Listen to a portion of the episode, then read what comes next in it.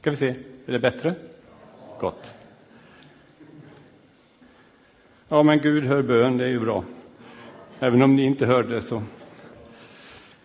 Ja, ni vet väl varför det är så svårt att öppna ytterdörren hemma i advent. Det är för att julen står för dörren.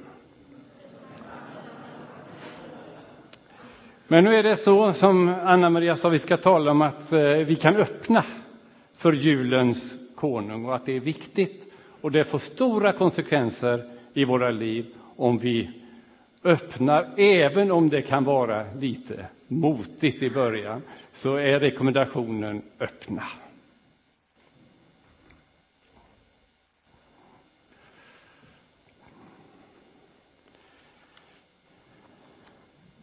Och det ska handla om advent i, eh, i våra liv.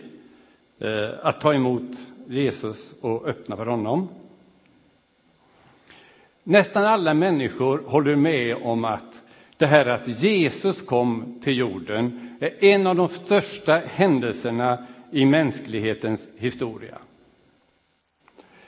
Inte riktigt lika många tänker på att han ska komma tillbaka och att det blir en av mänsklighetens viktigaste händelser också.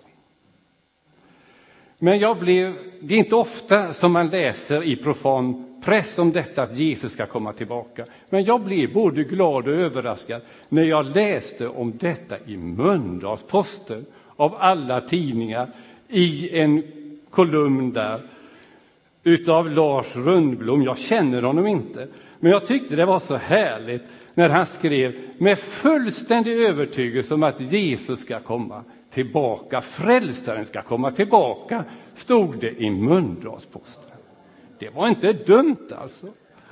Och sen vet ni kanske att tv-bolaget CNN har ständig bevakning vid Oljeberget i Jerusalem för att bevaka denna fantastiska händelse. Inte missa det skopet alltså, när Jesus ska komma tillbaka. Vi har ju varit där vid eh, himmelsfärdskapellet som det heter i Jerusalem. Ulla och jag har varit där. Och då har man gjort ett, ett, ett fotavtryck i sten där som man kan se. Det är för att vi ska tänka på att Jesus gjorde ett avstamp där och for upp till himlen.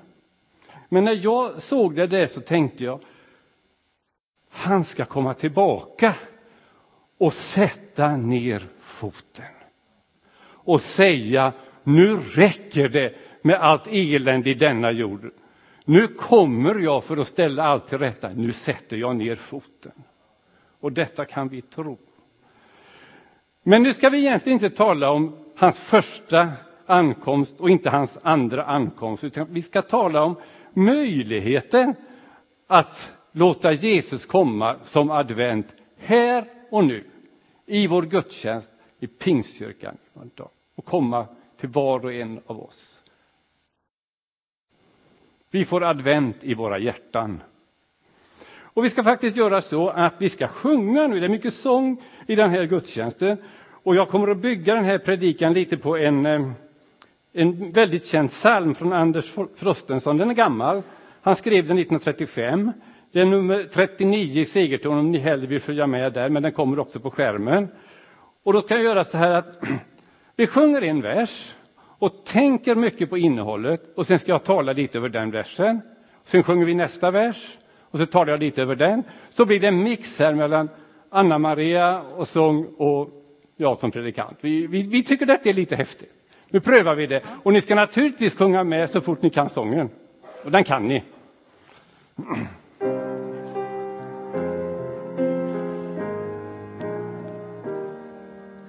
Jesus från norr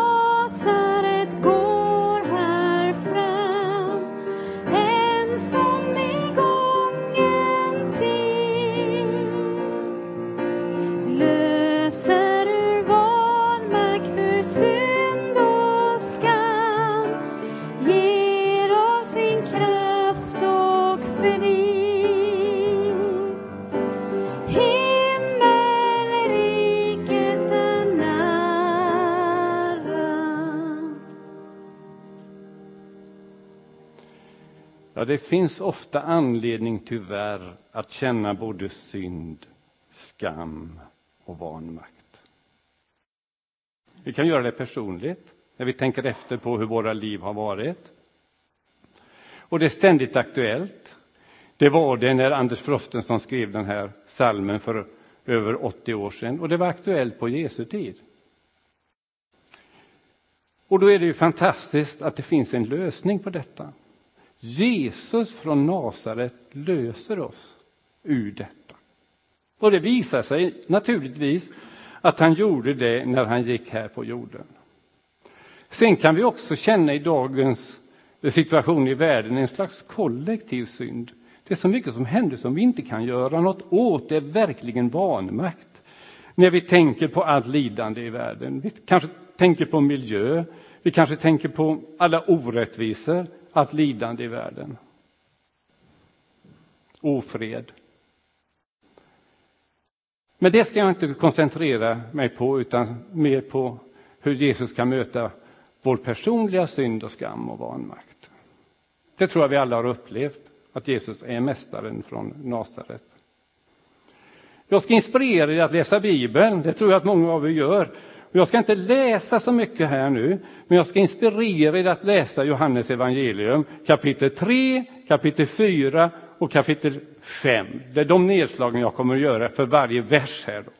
Och nu börjar det med eh, Johannes kapitel 4. Det träffar Jesus en kvinna vid en brunn. Det var ju så att han var ute och vandrade med sina lärjungar och sen står det i texten att han var tvungen att gå genom Samarien. Det var han egentligen inte alls. För det fanns massa vägar runt den här delen av landet som heter Samarien. Det var bara det att judarna ville inte gå där. Men nu kände Jesus att han måste gå där för han skulle träffa en människa. Fantastiskt, för en människa tar han en annan väg. Och så möter han kvinnan. Och nu ska vi kanske följa med här för att se hur det är med tekniken. Han möter en kvinna. Nej. Uppåt. Lite mer kan vi få se av den.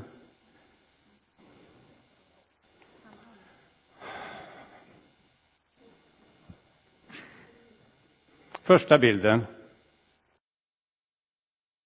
Första bilden. Tack. Han möter den här kvinnan och det blir en total förändring för henne därför att han kan tala rakt in i hennes liv profetiskt. Han kan säga till henne, du har haft fem män och den du har nu är ju egentligen inte din man. Och då känner hon inte att detta var jobbigt att höra, utan hon kände att det var någon som visste om hennes liv och kunde förvandla det. Och det var detta som hände. Och då får hon, som det stod i, som vi sjöng, att hon får både kraft och frid på något sätt. Hon fick handlingskraft. Hon gick in i sin stad och berättade för alla. Jag har mött mannen från Nasaret. Han heter Jesus. Han är en profet, ska jag säga. För han kunde säga precis hur mitt liv är. Och då står det att många i den här staden tog, tog emot budskapet om Jesus. Hur är det nu i vår tid? Ja, vi säger ju att vi lever i ett, eh, i ett eh, postsekulärt samhälle. Hur ska man beskriva det? Sekulärt betyder att tron inte har haft så stor betydelse under en tid.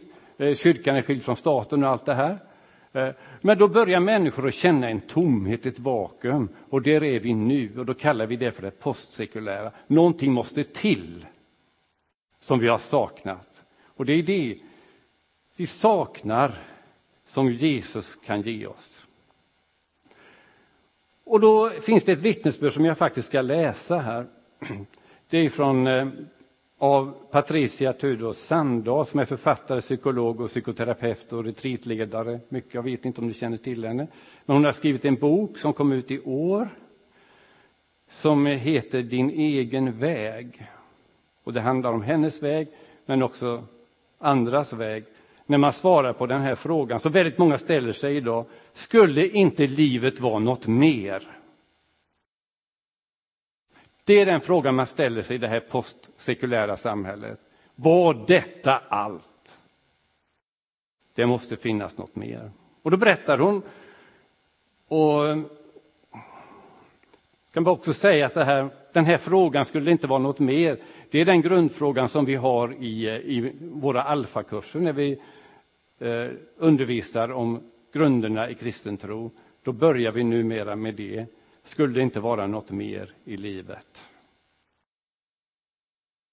Hon berättar i boken om en tung kristen uppväxt som hon valde bort. Hon gifte sig med en ateist och så tänkte hon så här, nu är det slut mellan mig och religionen. Äntligen är jag fri. Jag behöver väl inte Gud. Det tog närmare 30 år, skriver hon sen, innan jag frivilligt satte min fot i en kyrka igen. Och ännu längre innan jag upptäckte vidden av vad jag faktiskt hade missat, vad jag hade valt bort. Gud har inte varit helt tyst under åren. Visst har han pockat på min uppmärksamhet, men jag har inte varit särskilt lyhörd. Jag gav inget gensvar innan jag hade trasslat till mitt liv ordentligt ett antal gånger. Mörbultats av sjukdom, svek och brustna relationer. Och sen inspirerats av hur vår egen tonårsdotter på egen hand började söka en andlig väg. Jag var en bit över 50 innan livet hann ikapp mig och jag medgav en växande hunger efter andlig näring. Förvandlingen tog sin tid, men en händelse lyser klart i minnet. En höstmorgon på tunnelbanan mellan Ropsten och Gärdet i Stockholm gick det upp ett litet ljus för mig. Gud finns. Jag tror på honom. Jag insåg plötsligt och med häpnad att så var fallet. Varför där och varför då, det vet jag inte. Men så var det. Ett tomrum togs i anspråk och jag gav efter. Flamman brinner inte alltid lika starkt. Och ibland fladdrar den till ordentligt. Men sen elden tändes har den trots allt hållits levande. Guds närvaro är numera fundamentet för mitt liv. Vad hände? Hon löstes ur vanmakt, ur synd och skam. Hennes liv var totalt tilltrasslat, som hon uttryckte det. Gud kunde förvandla det. Det är faktiskt så att forskning visar att svenskarna ligger i världstopp när det gäller att fundera över livets mening. Det kanske ni inte vet, men så är det. Och det beror på att det har skapats ett sånt tomrum, ett vakuum hos svenskar på grund av det, det som vi kallar sekularismen. Då. Vetenskap och förnuft verkar inte kunna tillfredsställa människans innersta behov av tillit och förtröstan. Att känna mening i tillvaron. Himmelrikets tro är det bästa medlet för att fylla det vakuum som många svenskar känner i det här postsekulära samhället. Himmelriket är nära, till hans, sjöng vi. Det kan finnas inuti oss, vara närmare oss än vårt eget hjärta. Himmelriket finns överallt, där Gud finns och där han får bestämma. Och det fanns på tunnelbanan i Stockholm, helt överraskande. Vi sjunger nästa vers.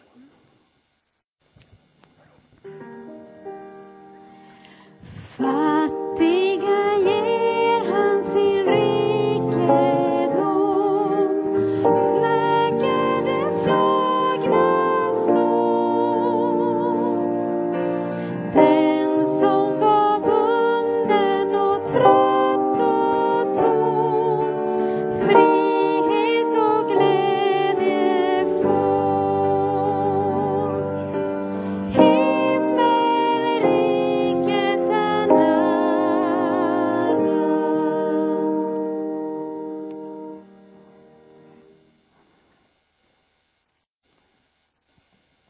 de fattiga och de slagna, de bundna, är en speciell målgrupp för himmelrikets glädje.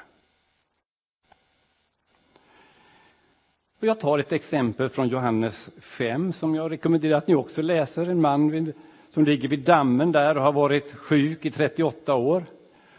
Eh, och då är tanken så, de tänker så, det var förmodligen så också, att det här vattnet kunde komma i rörelse vid vissa tidpunkter och då var det en ängel som rörde i vattnet. Och alla som var sjuka och låg runt dammen försökte då komma ner i vattnet och den som först kom ner, den blev botad. Den här mannen hade ju inga som hjälpte sig och han låg i 38 år utan att komma ner i vattnet först. Det är klart att han kände sig både bunden och trött och tom till slut, som det står i sången. Men då kommer Jesus och ser den situationen och frågar, vill du bli räddad, vill du bli frisk? Ja. Då säger han bara, stig upp och ta din säng och gå. Och så händer det. För den här mannen blir det ju en glimt av himmelriket. Håglösheten och hopplösheten vänds i hopp, i frihet och glädje. Nu är det ju så att himmelriket har inte kommit fullt ut än, det vet vi. Det fanns ju fortfarande många som låg kvar sjuka runt den här dammen som inte blev hjälpta vid det tillfället. Men det glimtar av himmelriket och människor blir botade och helade idag också. Hur verkar Jesus idag? Ja, väldigt ofta så är det ju genom människor som förverkligar Guds syften. En som verkligen är engagerad i det här att läka de slagna sår är ju doktor Dennis Mukwege som fick Nobels fredspris nu. Som reparerar eh, kvinnor som är offer för, för, för, för kriget, framför allt. Det är svårt att gå förbi, tycker jag, honom idag. Sen finns det en intressant koppling här till Pingst Mölndal. Och jag, jag, tänker läsa lite från en artikel som var i tidningen Dagen denna veckan.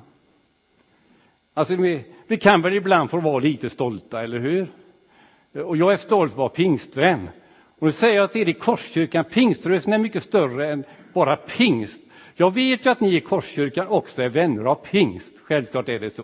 Så ni är med i detta, ni får glädje, ni får vara lika stolta ni, absolut, så är det. Och jag är stolt för Pingst Mölndal som är med i det här. Förutom läkare så är ju Dennis Mukwege också pingstpastor. Och det skrivs inte mycket om detta heller i pressen, men det fanns en artikel i Dagen i alla fall om detta. Och då, då, då handlade den om vad vi kallar progressiv pentakostalism. Det är pingstpentakostal, vet ni. Det är pingstkarismatiker som engagerar sig i sitt lokalsamhälle för att hjälpa andra.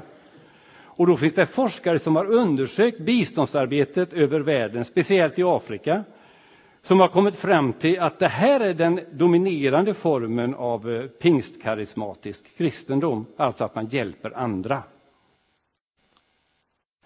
Idén att pingstvänner fokuserar mer på livet efter detta än på sociala problem här och nu. Eller att de bryr sig mer om personlig rikedom och framgång än utveckling i sina byar.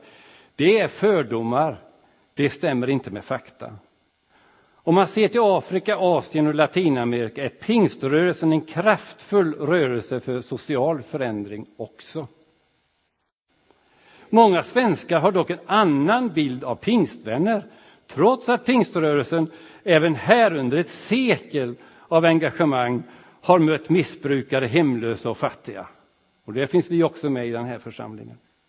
Fördomarna om pingstkarismatiska kristna, det sitter ganska djupt. Men man känner inte till den radikalt annorlunda bilden som forskare har kommit fram till. Det är svensk pingstmission som startade biståndsarbetet i Lemera i östra Kongo, Kinshasa, redan på 1940-talet och det var missionärerna Simon och Selma Pettersson, utsända av Pingst Mölndal, som startade den här dispensären som sen utvecklades till det sjukhus där Dennis Mukwege började sin läkarbana 1983. Och Panzisjukhuset som nämns i alla sammanhang, där Dennis sen har lagt ner större delen av sitt arbete som läkare, det byggdes i slutet av 1990-talet av medel från svenska PMU, alltså Pingstmissionens utvecklingssamarbete. Det är bra för oss att veta.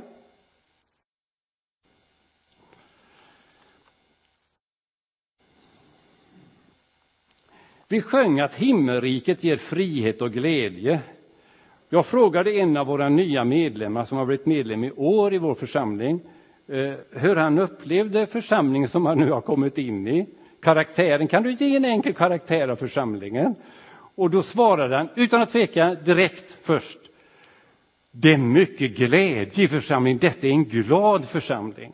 Och sen var det lite mer också. Men jag tyckte det var ett väldigt fint anslag och jag hoppas att vi kan fortsätta att vara en församling full av glädje. Därför att Jesus från Nasaret har kommit och berört oss och han går fram i församlingen än idag. Vi ska väl sjunga en eh, vers till, tror jag. Yes. Nu ska vi se. Den är det.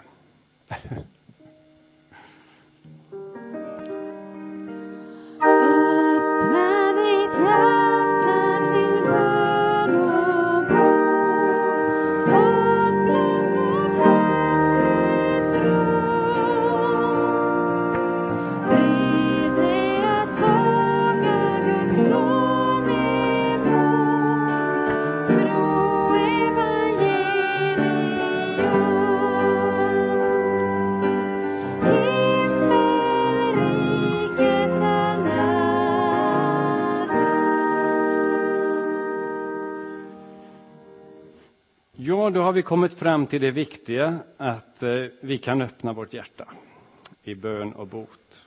Och man kan till och med öppna de hemligaste rummen i vårt liv. Mm. Är vi beredda att ta emot Guds son, Jesus från Nasaret i våra liv? Det är frågan.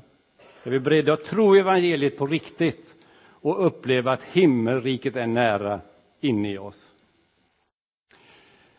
Jag rekommenderar också att ni läser Johannes eh, tredje kapitel. Det tror jag ni har gjort, de flesta av er, väldigt många gånger. Men man kan läsa det om och om igen och få ny välsignelse. Jesus och den judiske ledaren Nikodemus. Det var en modig judisk ledare som sökte upp Jesus på natten. Egentligen har vi det här också, men det strular tydligen med bilderna. Vi kan glömma det. Han ville i alla fall ha ett samtal med mannen från Nasaret och eh, vill öppna sitt hjärta för trons mysterium, denne Nikodemus. Och det mysterium som de samtalade om det var det hur kan man bli född på nytt? Hur kan man tro på evangeliet? Hur kan man ta emot himmelriket? Jag vill ge några bibeltexter när vi går mot avslutningen. Var vill Gud helst bo kan man ställa frågan och då har vi ett svar i Fesebrevet 3, 16–17. 17. Det står det så här, måtte han i sin härlighets rikedom ge kraft och styrka åt er inre människa genom sin ande, så att Kristus genom tron kan bo i era hjärtan med kärlek. Gud vill bo i våra hjärtan med kärlek. Han önskar komma oss in på livet på riktigt i en kärleksfull relation. Han vill faktiskt vara mantalskriven på din adress. Men vad krävs för att han ska kunna flytta in hos dig? För att han ska kunna bo hos oss? Ja, vi ska ju göra oss beredda på något sätt. Vi ska reda oss att ta Guds eh, son emot. Och vi ska öppna vårt hjärta i bön och bot. Så det går inte bara av sig själv. Det är inte självklart att han kan flytta in. Vad säger texten? Den talar om bön och bot. Bot är ett gammaldags ord på ett sätt i det här sammanhanget. Men visst vill vi bli botade när vi är sjuka. Då går vi till läkare för att få bot. Bot är ett väldigt positivt ord. Eller hur? Det gör att allting blir bättre än det var innan. Och det, det, därför ska vi både be och vi ska bota oss, be om bot. Så det kan krävas både bot och bättring och att städa upp för att Jesus ska trivas hos oss? Är vi beredda att städa upp? Mm. Nu blir det lite rannsakande också i det här. Det är inte fel. Men vad är det underbara? Det är att Jesus själv är med och städar upp. Han sköter städningen med hjälp av den heliga ande som vi sjöng. Annars skulle vi inte fixa det här överhuvudtaget. Men genom sin ande sanerar han vår inre människa, om vi önskar det, så att han kan bo i våra hjärtan med kärlek. Alltså det här med städning, det kan man lösa nu med såna här eh, rottjänster. Eh, förlåt, RUT är det va? RUT-tjänster. RUT-tjänster. Ja, nu kollar att ni var med där. RUT. Alltså, har ni hört talas om att den heliga ande utför RUT-tjänst? Det gör han i våra liv. Han ser till att det städas upp. Men vi får ju liksom anlita den här RUT-tjänsten, annars händer ingenting. Men då gör vi det och öppnar för den heliga ande, kommer han in och städar upp.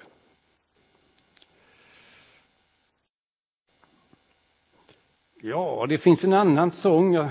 Jag har frågat Anna-Marie om jag får ta det här och hon har lovat mig att jag ändå får ta det här. Med Karl Bobergs psalm O mänsklighet, ställ dörren på glänt, det är advent, det är advent.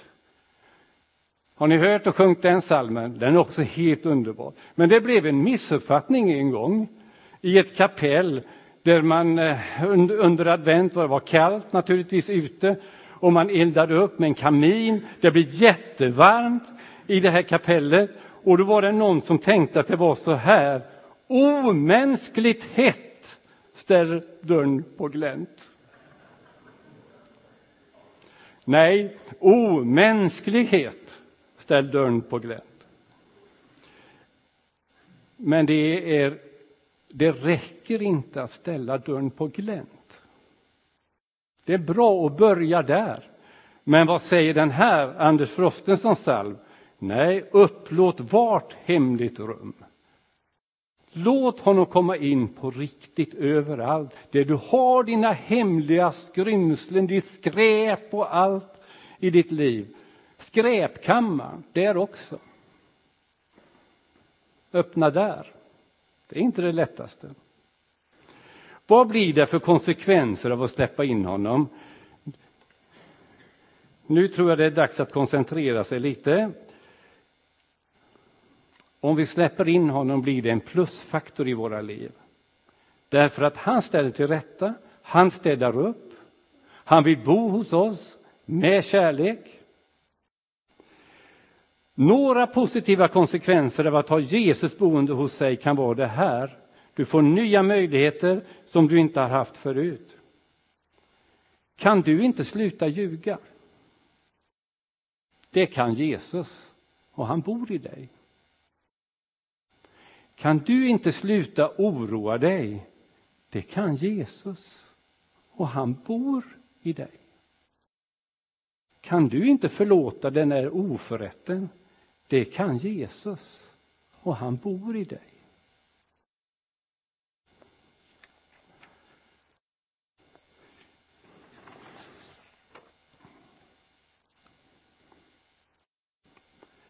Jag hade en bild här, och vi kan se om vi kan få fram den här Carl Johnson. Där! Känner ni igen honom? Tittar ni på tv, tittar ni på några serier? Allt för Sverige är detta då. Och det är ett program där eh, eh, boende i USA som har sina rötter på något sätt i Sverige från tidigare generationer får komma till Sverige och, och, och se sin, upptäcka sina rötter och i bästa fall om man vinner alla tävlingar så får man möta sin släkt det hela detta. Och han vann. Genom hela programmet så vittnade han om sin, sin tro på Jesus på ett väldigt starkt sätt. Och vid själva finalen, när han hade vunnit, så sa han att ja, men detta är den näst bästa dagen i hela mitt liv. Och då fattar ju alla varför det var den näst bästa. Ja. Det låg liksom i luften vad han skulle säga. Och så säger han, men den bästa dagen är och har alltid varit den dag när jag släppte in Jesus i mitt liv. Mm. Nu vill jag avsluta med en enkel uppmaning. från en text i Uppenbarelseboken. Och det är bara för att summera vad jag har sagt. Så jag står för dörren och bultar. Om någon hör min röst och öppnar dörren ska jag gå in till honom och äta med honom och han med mig. Jesus tränger sig inte på, det handlar inte om husockupation, men han önskar bli insläppt. Han vill dela livet med dig, vardag och fest, i ett jämlikt, förtroligt förhållande. Det står att han ska äta med dig och du med honom, det är någonstans likvärdigt. Så öppna ditt hjärta, upplåt vart hemligt rum. Ni vet att det finns olika upplåtelseformer på bostadsmarknaden. Man talar om hyresrätt och bostadsrätt och äganderätt. Och det handlar om hur mycket du som bor där får göra åt boendet. Förändra, utveckla. Och då kan man tänka när man nu upplåter åt Jesus, vilken upplåtelseform ger du och jag till Jesus? Är det bara lite? Är det lite mer eller är det allt? Upplåtelseformen, äganderätten, är väl det optimala då? Då är alla skrymslen där också, som vi får rätta till. Så mitt råd är släpp in honom, han blir en plusfaktor i ditt liv. Och nu tänkte jag så här, den sista versen i den här salmen har jag skrivit om lite grann, ändrat två ord bara. Istället för öppna ditt hjärta i bön och bot så tänker jag att vi kan sjunga öppna mitt hjärta i bön och bot. Och jag tänker så här, om du inte kan sjunga detta nu behöver du inte göra det. Kan du också bara tänka det. Men jag, det här kan bli en, en, en överlåtelsesång då, där vi ber öppna mitt hjärta. Och istället för red dig att ta Guds son emot så kan vi sjunga red mig, bered mig att ta Guds son emot. Så blir detta en övergång till, eh, till vår förbön och, samtal som vi kan ha sen om vi behöver ha hjälp med detta. Nu sjunger vi.